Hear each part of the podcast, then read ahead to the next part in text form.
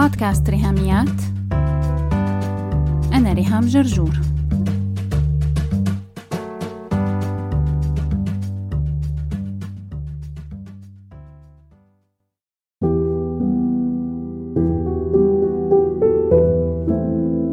الكرسي الخالي. في قلبها كرسي خال متناه في الصغر. كلما أغمضت عينيها وأنصتت جيدا سمعت صوت أنفاس الرضيع النائم في هذا الكرسي. طال انتظارها له وعلى بحر الدمع الذي يملأ مهدا صغيرا لم تشتره بعد. وكثرت المحاولات ومعها كثرت مناجاتها لطفلها. آه لو تعلم يا حبيبي كم أحتمل وأصبر. كلما لمحت أما وكلما حملت طفلا وكلما دخلت عيادة الطبيب وكلما استلقيت على ظهري لأسابيع طوال منتظرة نتيجة آخر محاولة طبية وطريقة زرع مجهرية. قل لي يا صغيري هل أنت قادم؟ اعفني من عذاب الانتظار. قد يكون اليأس أكثر رأفة بي من أمل كاذب.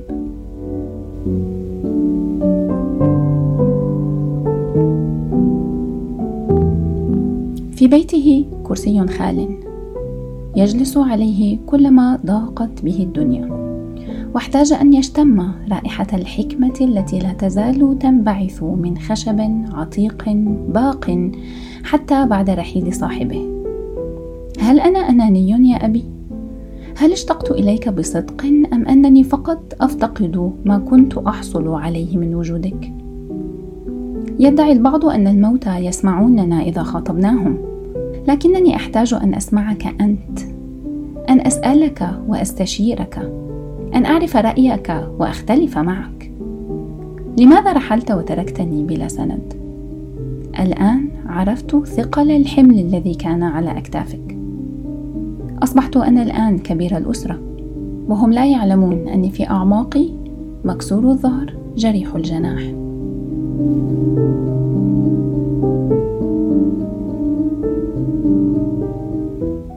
على سفرتها كرسي خال تعتصر معدتها ألما لرؤيته. لا يجد الطعام مكانا في أحشائها لأنها جائعة طوال الوقت. جائعة لأن تقبل وجنتيه للمرة الأخيرة وتهمس في أذنه. أنا أحبك وسأظل أحبك حتى آخر نفس في عمري.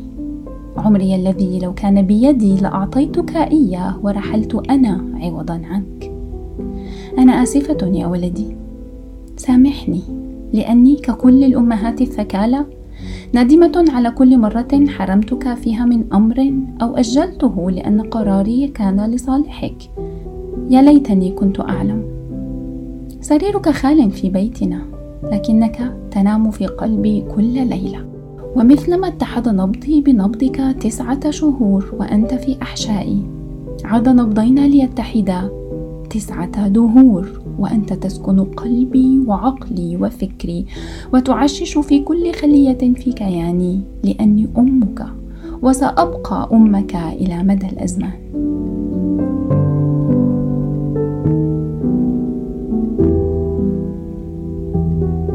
في أحلامها كرسي خال تحك له كل عام غطاء جديدا من حرير صفاتها وترصعه بلآلئ شخصيتها. تفرش الغطاء على الكرسي يوم عيد ميلادها وتتأمله بعدسات من الدموع المنهمرة مع كل عقبالك وشدي حيلك ونفرح فيكي سمعتها طوال عام آخر مرة من دونه وتسأل نفسها كم عام قادما سيشهد عدم وصوله؟ هل يفكر هو في ويستعد للقائي كما أفعل أنا؟ هل أتاني متخفيا؟ فلم أعرف أنه هو بل ظننته مجرد عريس آخر أو شاب طالب الإرب. وأنا التي رفضته وأغلقت أبواب قلبي وشغلت عقلي أكثر من اللازم. هل حصلت أخيرا على ذلك الوشم الذي يراه الجميع على جبين كل من تتأخر في الزواج مع أنها كاملة الأوصاف؟ فيغدو عيبها الوحيد أنها مغرورة. وتتحول الكلمة إلى لافتة تحذير في شارع حياتها. كتب عليها احذر الاقتراب. حتى وإن نجحت في نزعها من على الرصيف إلا أنني سأفشل حتما في نزعها من عقول كل من أقابله في العمل ودور العبادة وأثناء السفر والتجمعات العائلية واللقاءات الودية. وسط لياليها كرسي خال لا تراه بوضوح إلا في الظلام. بعد انسدال الهدوء فضجيج منزلها نهارا يصم الآذان وعجيج أفكارها يزيد من علو الموج الذي يلطم وجهها فتتعذر الرؤية. لكن الكرسي قابع هناك كالسراب. كلما ظنت أنها اقتربت منه تجده قد استدار وابتعد.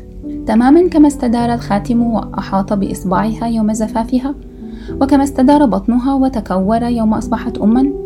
وكما استدارت أيامها كالدوامات مبتلعة أحلامها لنفسها ولمستقبلها تغتال كل كلمة محذوفة من قاموس الأمومة وتشتكي على أي فكرة كي تعتقلها شرطة مكافحة الأحلام وتنبذ أي هدف لا ينصب في صلب بئر التضحيات الأنثوية لأسرتها. الأنا تحولت إلى نحن، لا بل تحولت إلى هم وفقط هم. ما هو هدف حياتي غير زوجي وأبنائي وأهلي؟ إنها أسمى الأهداف وأرقى التطلعات وتتمناها ملايين النساء حول العالم وها أنا متذمرة. شاكية باكية منعدمة الضمير قليلة الامتنان ناكرة للجميل.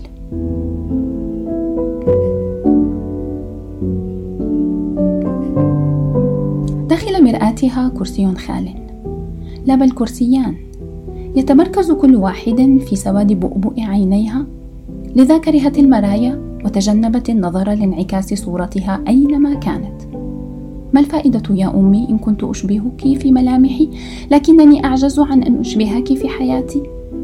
لماذا لم تتركي لي دليلا شاملا يشرح بالتفصيل كيف يمكنني أن أكون ولو ربع ما كنت أنت عليه في حياتك وما يقوله الناس عنك حتى بعد رحيلك أتعلمين يا ماما؟ أسمع هذه الكلمة كل يوم عشرات المرات. نعم لقد أصبحت أنا أما ومنذ أن حدث هذا وأنا تائهة. أهيم على وجهي في غابة الأمومة أتخبط في قراراتي وفي تقصيري وعجزي وأحتاجك أحتاجك أكثر من أي وقت مضى. فقدتك وبفقدانك فقدت بوصلتي وملاذي. فقدت ذلك الشخص الوحيد الذي كان سيفتخر بي وسيخاف علي وسينصحني بحنان ويعاتبني بحب.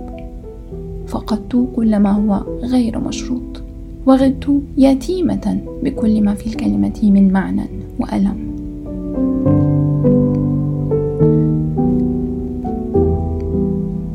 في العيد كرسي خال يتمركز حوله عيدنا. فإما أن نجتر أحزاننا ونبقى عالقين في حلقة مفرغة لا أمل بالخروج منها طالما أبقينا ذلك الكرسي في المركز أو أن نتجرأ ونفرح بعد رحيل الغوالي. فيباغتنا الذنب كالإرهابي مرتديا حزاما ناسفا لأية فرحة ومازحا لأي ابتسامة. يعتلي الكرسي الذي في المركز ويشد الزناد ويفجرنا. ما أكثرها؟ تلك الكراسي الخالية في بلادنا. وفي بيوتنا وفي حياتنا وما أصعبها رحلة التعافي والشفاء والتدرب والتعلم والتعثر كي نصل إلى عيد ما.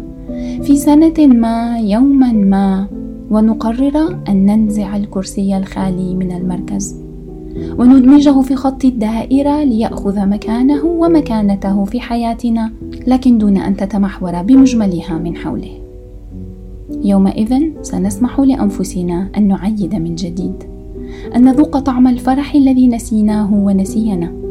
أن تحفر الابتسامة طريقا جديدا تشقه بجهد على وجوهنا رغم الكرسي الخالي.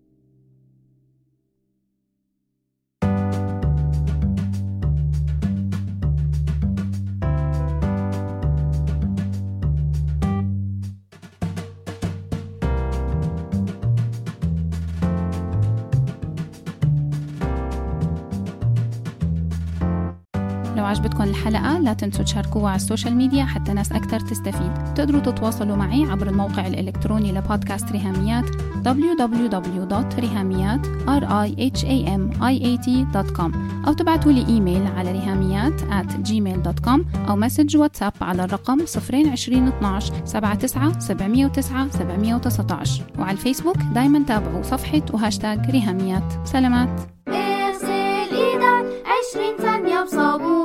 I head.